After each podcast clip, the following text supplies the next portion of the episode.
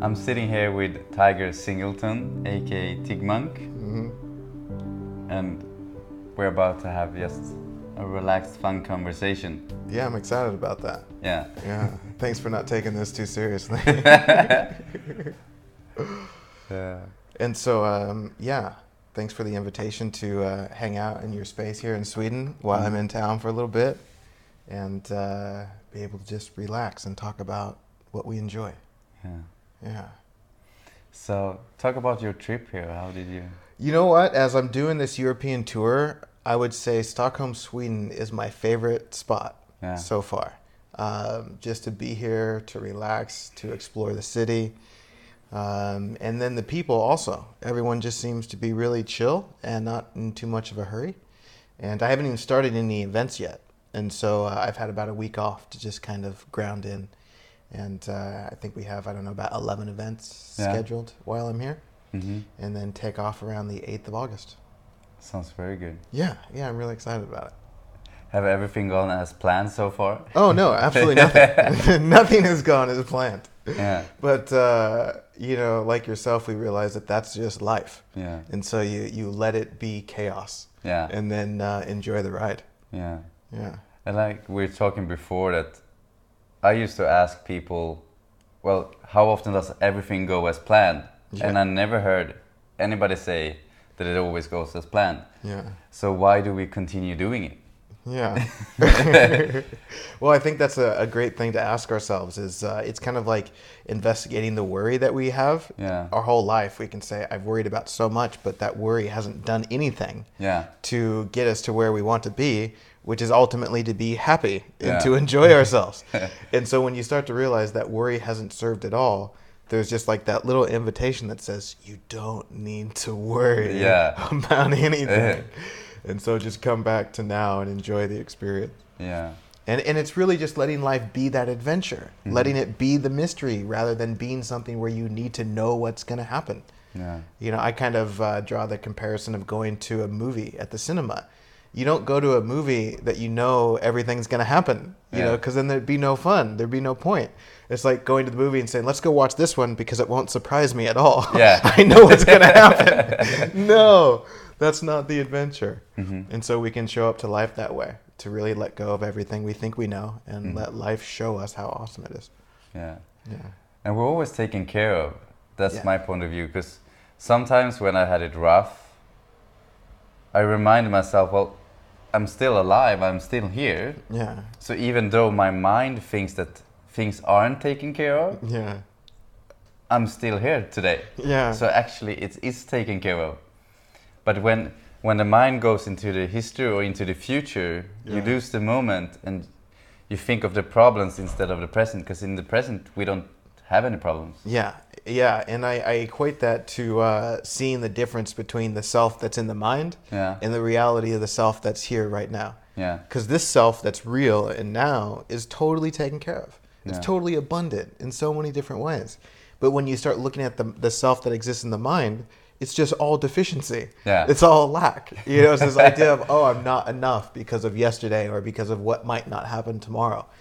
And that self is never taken care of. Yeah. It's always projected with some sort of deficiency. Mm-hmm. Uh, and so clearly seeing the difference between the real self and then the imagined self, uh, you start to see that you're always okay. You're Yeah. always fine. And the only thing that you're actually going to lose in this life is a story, you know, about who you thought you were. Mm-hmm. And then you discover that, nope, I'm not that either. Yeah. Yeah, I'm just this right now. It's a great space of humility too when you just realize that you're just like everyone else, you know, doing the best that you can with what you have.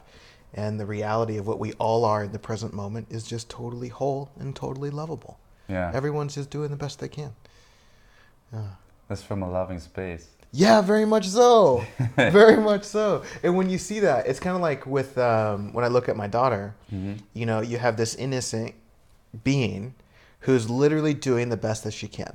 Mm. You know, and so from my perspective, when I see her with this unconditional love, it's like you can't mess up. Yeah. You can't do anything wrong Yeah. that will convince me that you're not lovable. You know, so you take that same perspective and you see that's how life sees us. Mm-hmm. Is that we're just doing the best that we can and life sees our fear as adorable. Yeah. You know, it's kind of like when the daughter says, "Oh, I'm afraid because there's a monster in the closet." You know, from a father perspective, you're like, "That's so cute." There's nothing to be afraid of, mm-hmm. you know, but you let them play out their fear until they learn that there's nothing to be afraid of. And so that's what we're doing here in life is we're just playing out our fear to realize, oh, all is well. Yeah. Yeah.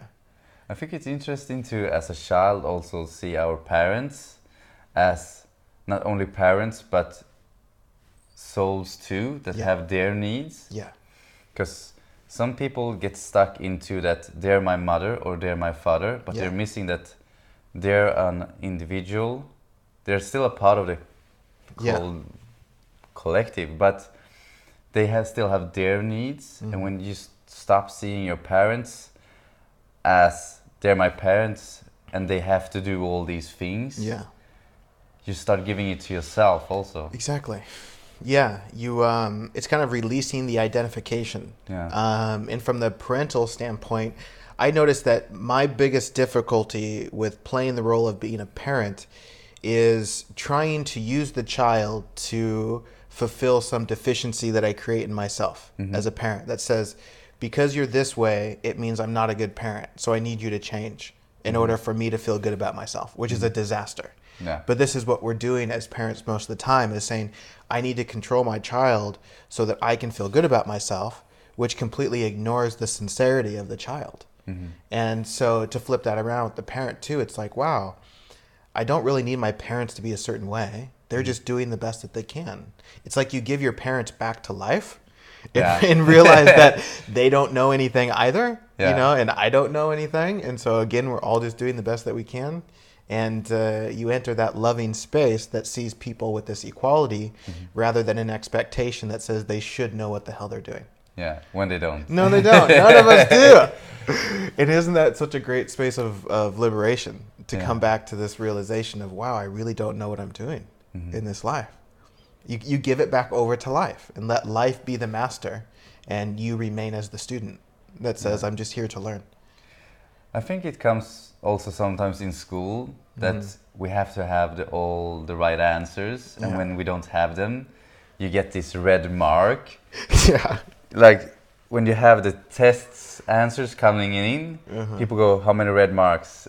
Yeah. Instead of that, you need to know the answer. Yeah. But the funny thing in when you grow up, it turns out you don't have any answer, and Yeah. as soon as I have a vision of when, as soon as uh, someone decides that this is the answer, Yeah. they locks out all the different angles or Exactly. perspectives, and Yeah. Well, it's like as soon as you start naming the bird, you Mhm. stop hearing the bird's song because you think you know the bird now. But you can't know the bird by having a name for the bird. yeah, That's not being the experience. And so the same with life. The, the moment you think you have it figured out is the moment you stop learning. And I think the, the ultimate discovery is to see that you're never going to know absolutely what's going to happen, what should happen. Um, there's just this space of openness that says that I'm willing to see more and more deeply. Uh, and that way, it's like this ever expanding journey rather than trying to get to a destination Mhm.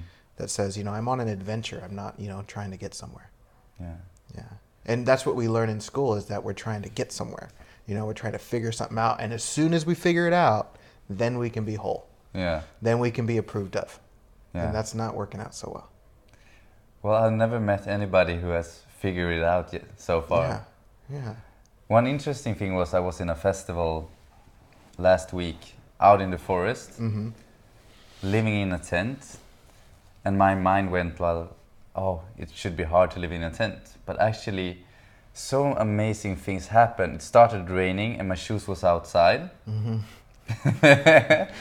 so they were filled with water. Yeah. But instead of going like, ah, my shoes, because I didn't have a spare ones, Yeah. didn't think of it for some reason. Yeah. Like, oh, how nice of the universe to show me that I don't need any shoes this week.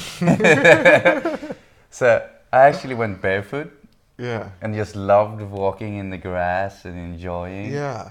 Instead of being stuck in, I need shoes. Yeah. It's like, how does the grass feel? Yeah. Since I now life show me that I don't need the shoes this week. Isn't that great? Yeah. It's like everything that happens is open to your own interpretation. Yeah. You can see this as a blessing or you can see it as a curse. Yeah. And it's totally up to you. Yeah. You get to create that. And both, whatever you think is right. Yeah.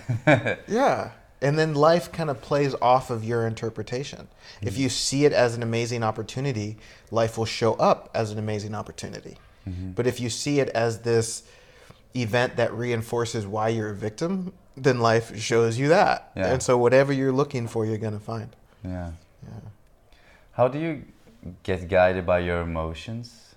Do you listen to your emotions, anything? Yeah, I, I find that emotions are uh, an amazing pointer in the way that um, I see that, that my emotional experience isn't responding to what's happening in life, it's responding to how I'm perceiving life.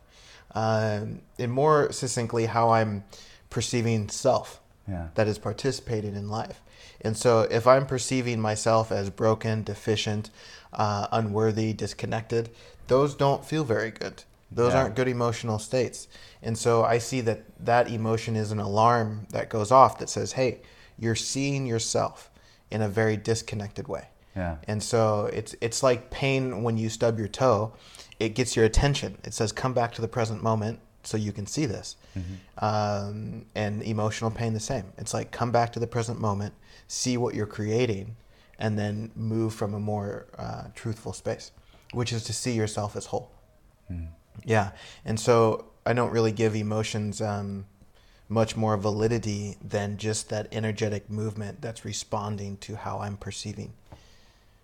It's the same. I see them as a guidance system. Yeah. So when it does, when it feels bad, it means that I'm doing something or believing something that isn't good for me, Yeah. or for. So most often it's when I'm trying to figure, get stuck in the mind, Yeah. and when you listen to the emotions, you don't get stuck anywhere so fast. It's Yeah. more like a directional guidance system, a GPS that Yeah. shows you like, oh, you shouldn't go that way because Yeah.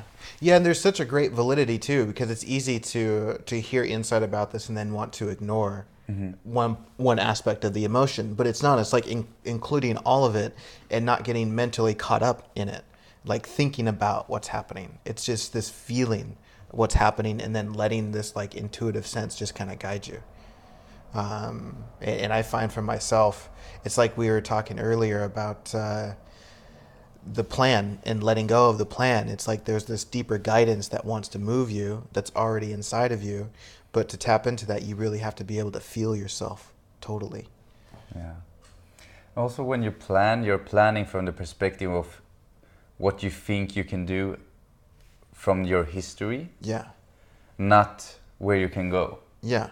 And if you get, get guided by the universe, it shows you what your true potential are. Yeah. But if you stop start planning too much, I don't think it's good. Well, if you go and want to go to the airport, it's good to plan your way there. Yeah. But so many people plan so much in their life from the perspective of their history Yeah.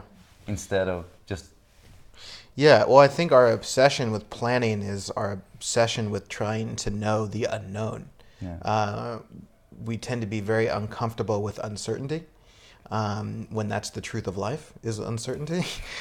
So uh, trying to figure everything out and plan all the, the little details is trying to make ourselves secure.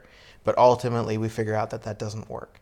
And so it, it brings us to this place of letting go as an invitation to let go. You don't have to. Um, but also planning as a mode of enjoyment rather than a mode of trying to fulfill a deficiency. And this is where a lot of people are trying to plan from. It's like, I want to figure out my next month so that I can fix myself rather than enjoy myself. And if you're trying to fix yourself through your planning, you'll find out that you're just anxious all the time Yeah. because you need it to end up a certain way. And you say, if it doesn't end up this way, then I'm unwhole. And so that puts you on edge. But if you're planning for uh, an opportunity to enjoy, it really doesn't matter if it happens or not. Yeah. It's just like, oh, that sounds like a kick ass idea. Yeah. Whether it happens or not, I don't know. But yeah, and that's kind of my approach with, with this whole sharing thing is just to put it out there and then see if it works out. And if it doesn't, it doesn't matter mm-hmm. because I'm still having a good time.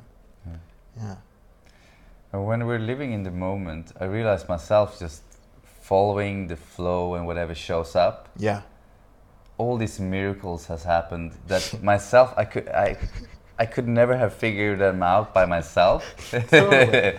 have you have any experience of that? Well, yeah, even coming to Sweden, Yeah. um, where my whole European trip has been like that. I literally didn't know how this was going to happen, how it was going to work, but it just worked. And then coming to Sweden, we had a place that was lined up for me to stay. Um, and then as soon as I get off the plane, I hear, "Oh, that fell through." And so I was like, "Sweet!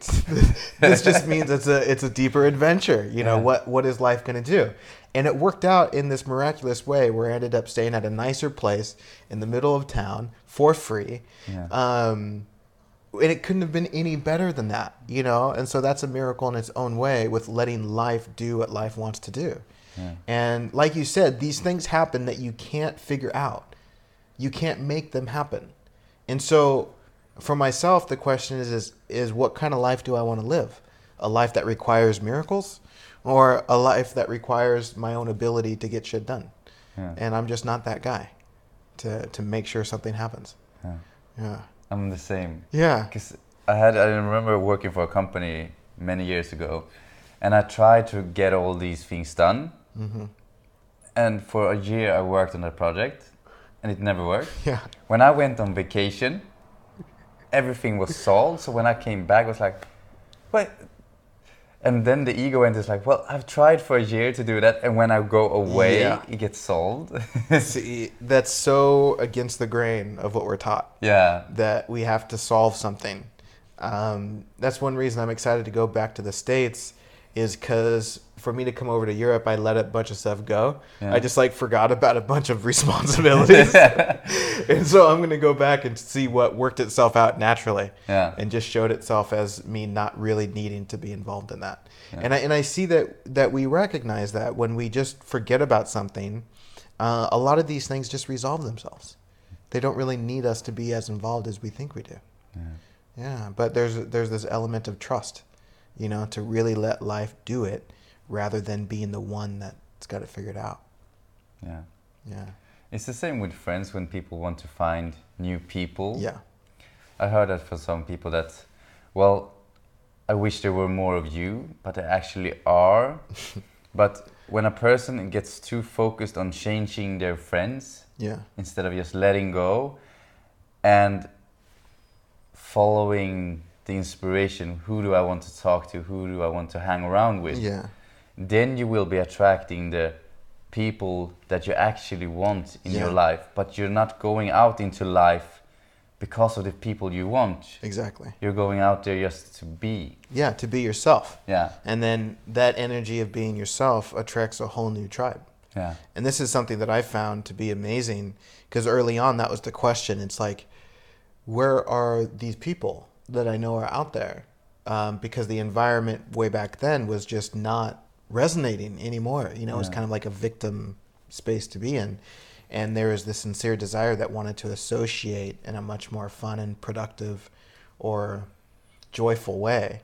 And uh, as soon as I allowed myself to be that way, Mhm. to not care what everybody else thought, then the old association kind of fell away. And then life filled the gap with something that resonated more. Yeah, It's kind of like you're in a job situation that really doesn't resonate, but you're not willing to do what does resonate.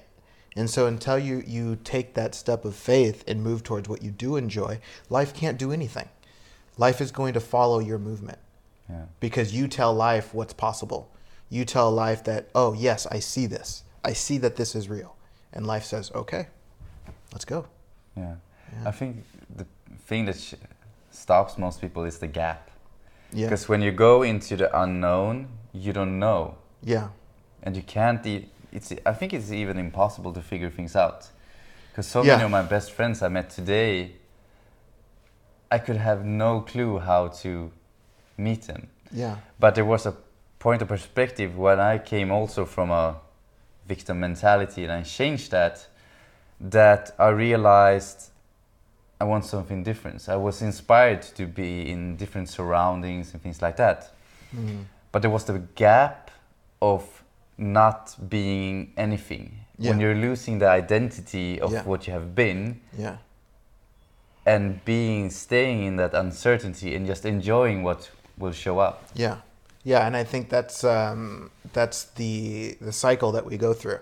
Um, this collapse of identity, Yeah. which shows us uh, something more real about the self, which is this empty space that doesn't need identity, which creates this this sense of freedom of no need and no want really, Yeah. where you're just um, in this playground, you know, on, that we call planet Earth.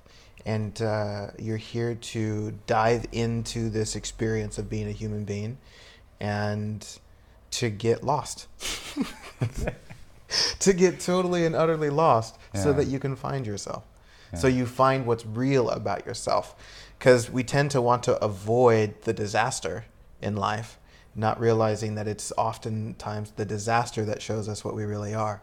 Yeah. And so when there's this willingness to get our heart broken, when there's this willingness to lose everything, uh, we see something more real. Yeah. And that's what we really want, is what's real about us. We don't want the facade. We don't want the protection. We want what's real. And life is set up so perfectly for us to discover that.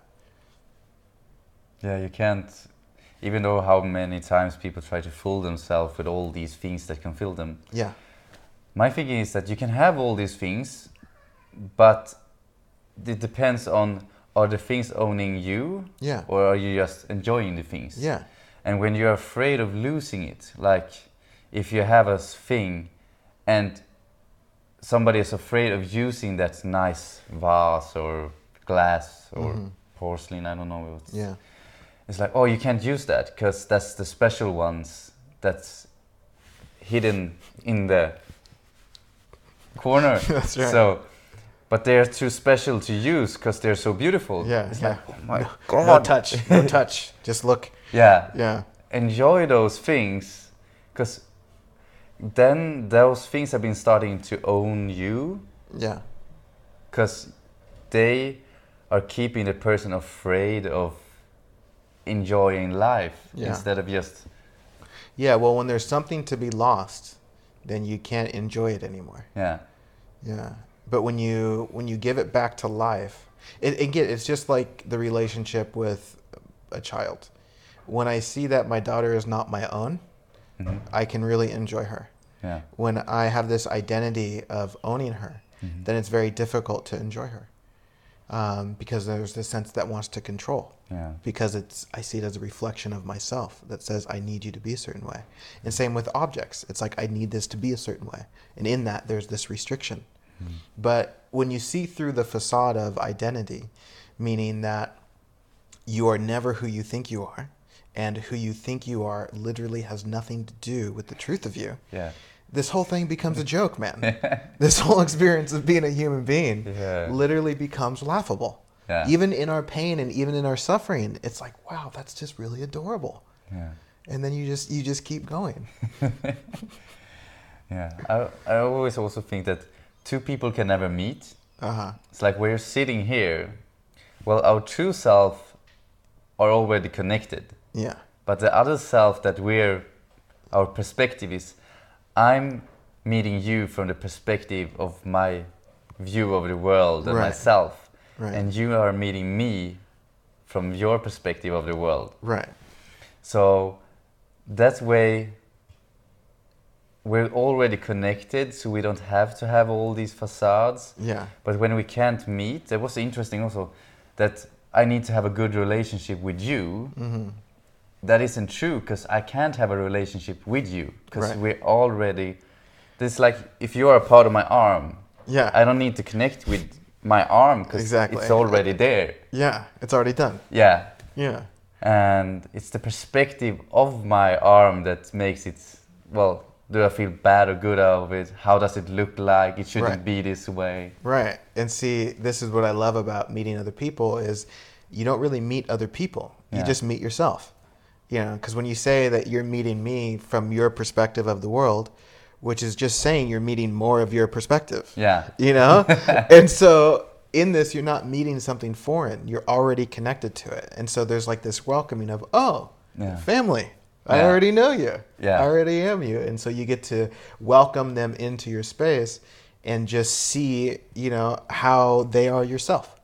Yeah. And and I find that there's a great unification that happens in this when we just see that we are already connected, that we don't need to make it happen. You just show up and see that it's done. Yeah. Yeah. And this is the same with dating. When people are trying to find, Yeah. oh, I need a partner, Yeah. just by saying I need a partner Yeah. shows that you're needing some, the person is needing something from themselves Yeah. that they're projecting out to somebody else. But as Yeah. soon as that, that was the same with my girlfriend. Uh, when I started working of giving myself the love Yeah. I thought of, Yeah. it went two weeks Yeah. and I met my girlfriend. Yeah. But I went from going to for something I needed into the perspective of giving myself. And I think that's the thing. If we realized we all, everything around us is projections, Yeah. that is helping us finding our true self. Yeah. Yeah. We can actually find what we're needing. Because as soon as I think my mo- my mother needs to do this or my friends needs to do this, that's ex- that's actually my the answer of what I'm supposed, what I need to give myself to feel Yeah. whole. Yeah, and um, it's like when we think about love, and we we have this image of total acceptance, total freedom, total allowing. Um, that's that's telling us the type of relationship we want to be in with ourselves. It's like we can imagine this relationship we want with somebody else, but it's like no, that's how I want to be in relationship with myself. Yeah. And so the more you allow yourself to recognize that, life again fills the gap by bringing other people that help facilitate that. Yeah. It's not that you need them to do it. Life just creates the space for the learning to deepen. And, and I've, I've experienced that in my own life with letting go of relationships that clearly were not in alignment. Um, but initially, there's that fear that says, I don't know if I want to let go of it because I might not find something else or something like that. But when you just get really honest with yourself and let something go, uh, and then re-enter the mystery, life can bring something that's more in alignment for your next phase of e- expansion. Yeah, Yeah, and there could be steps that we don't. Most of the times we don't even know about, or Totally. people that will fill in gaps. yeah, This was like when I was at, at the festival enjoying my time. Mm-hmm. I didn't go to all the workshops and all these things. I just loved to go out and just sit in the grass. yeah, And the funny thing is, I just went out into the grass, sitting there and just being. yeah, And I never had a quiet time because a person after person after person. And it was so funny because there were so many, like, what my mind would call problems in my life. right, right, When I just went there and was like, I don't have any problems. Not in this present moment. yeah, I don't have any problems. Every person came with like, oh, I know this. I have the solution. We could cooperate. Yeah. So it was just person after person filling all those things I wanted to solve Yeah. by me sitting there in the grass. yes. And see, and that's that's the magic of life is when you surrender, and you just trust. yeah. And it becomes it's it- it's like this ever evolving process of trusting more and more and more Yeah. to to where you, you you come to this space of I'm not a person anymore. I'm not this person I think that I am. I am just life. Yeah. Life is just happening and I'm here to give myself over to it. Mm.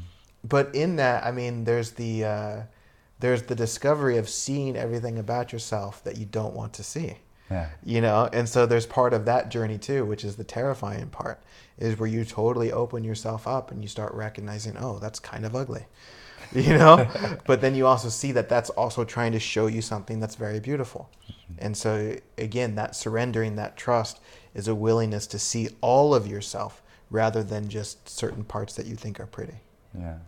yeah That's what I like about that. Like we were talking about, everything in life is beautiful. Because some people think when they meditate, they're beautiful. yeah And when they're all out in the ordinary life, what Yeah. they, they called ordinary life, yeah both is ordinary life. exactly But when they separate, this is meditation and this is doing these things that makes me more spiritual, yeah then I'm good. yeah But when I'm not doing these things, I'm bad. yeah That's also identity because we don't need to do anything. Mm-mm. And both parts are the beauty. Yeah It's like a color palette. We have different colors, but no color is bad. perfect Yeah, and you can't have this color without this color. Yeah. You know, and this is this is an analogy I share often.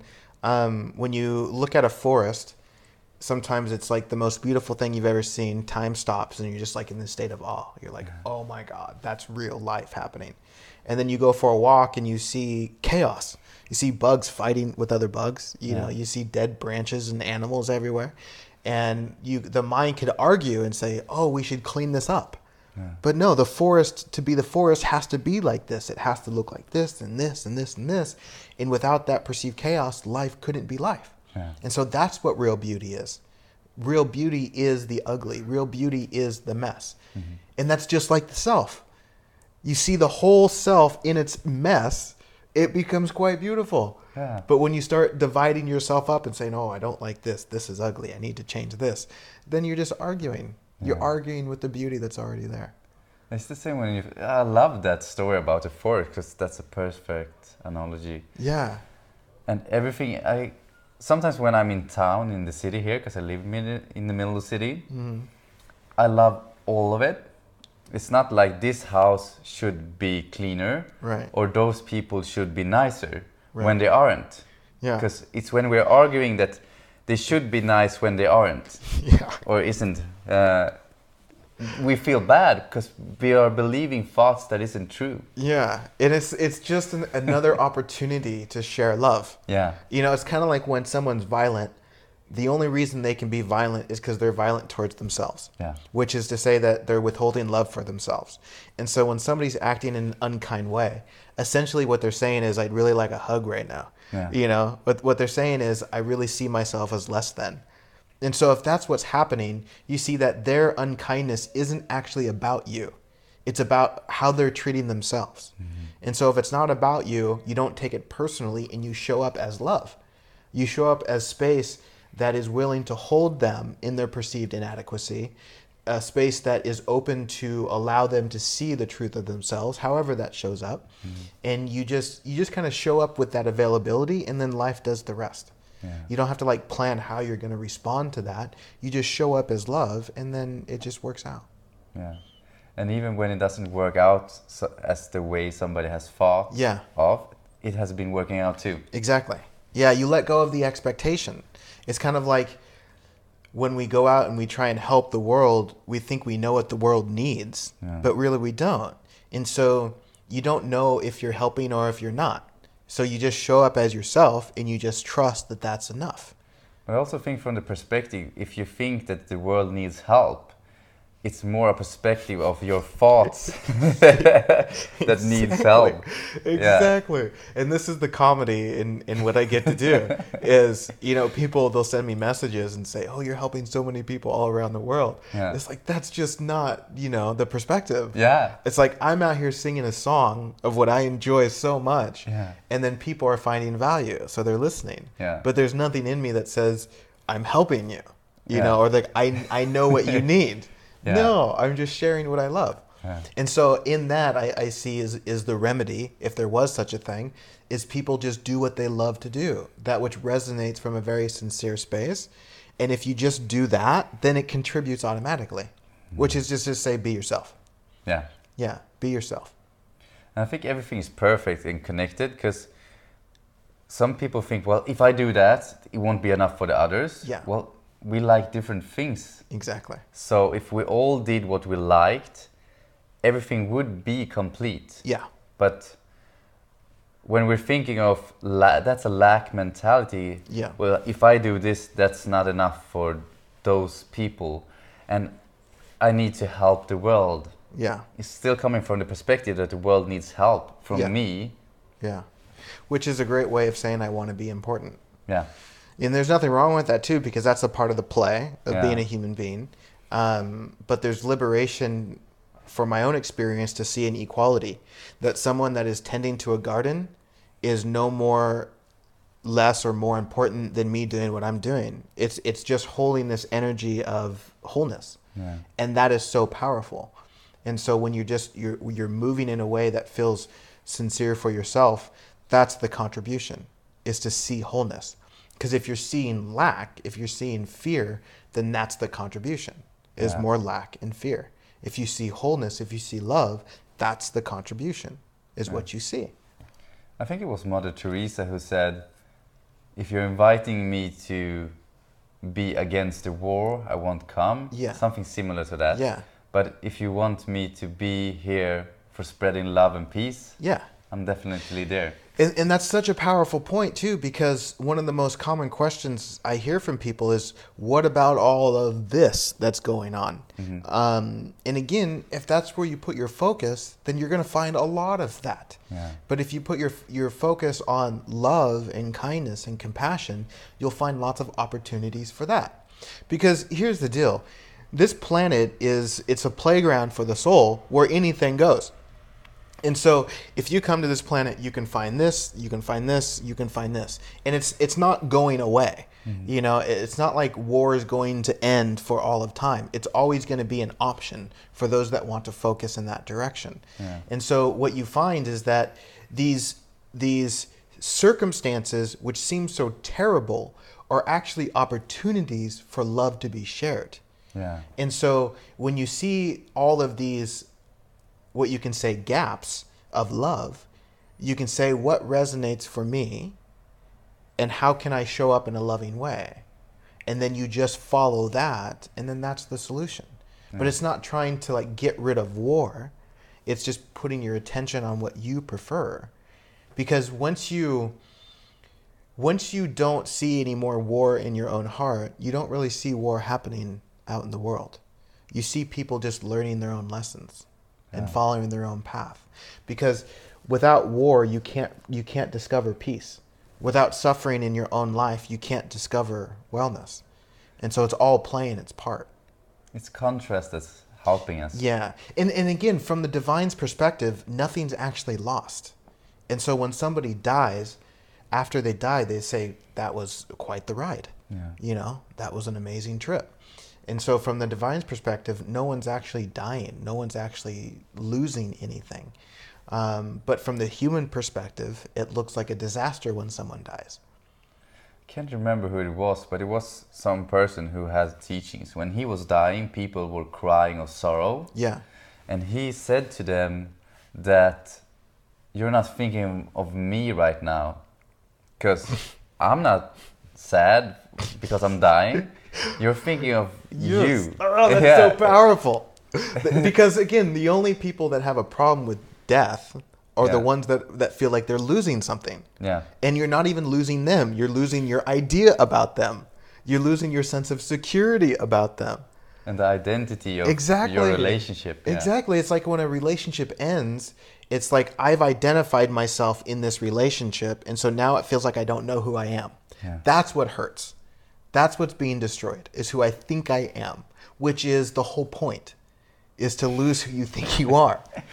Yes, it's actually helping. it is helping. yeah, And so that's not a socially popular thing to say, you know, that know. suffering is helping. And so there's this caution to to not rescue people from their suffering, which is to not go out and try and fix everything maybe hmm. because maybe it's, you know, serving a, a lesson. I think if people that doesn't stop people for actually getting involved in helping others, but yeah. instead of going from lack, going from inspiration. Yeah, yeah, yeah. Of course, we can help others, Yeah. but it depends on which energy energy we're going from. Totally. Yeah, you're moving from lack or are you moving from love?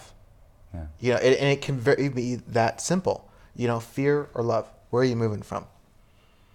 Because whatever you're moving from, that's what you're going to offer to the world. Yeah. And so, in that, you can literally do anything in this life and it doesn't matter. Move from love, move from sincerity. You're contributing more than you can even imagine. Yeah. How would you say that to, uh, in the perspective of somebody who says like, well, that's easy for us to say now, Mm-hmm. because they have a maybe a bad economy and they don't know what to do. Yeah. Where would you recommend them to start their Mm-hmm. journey? First thing I would say is focus on your experience Yeah. rather than imagining what you think it's like for other people. Um, because the only reality that you really know is your own. And so I would also I invite people to look at their motivation. You know, why are they moving? And if they're moving from fear, if they're moving from lack, then deeply question if it's true. Yeah. Is it really true that I'm not enough? Is it really true that I should know what's going to happen tomorrow?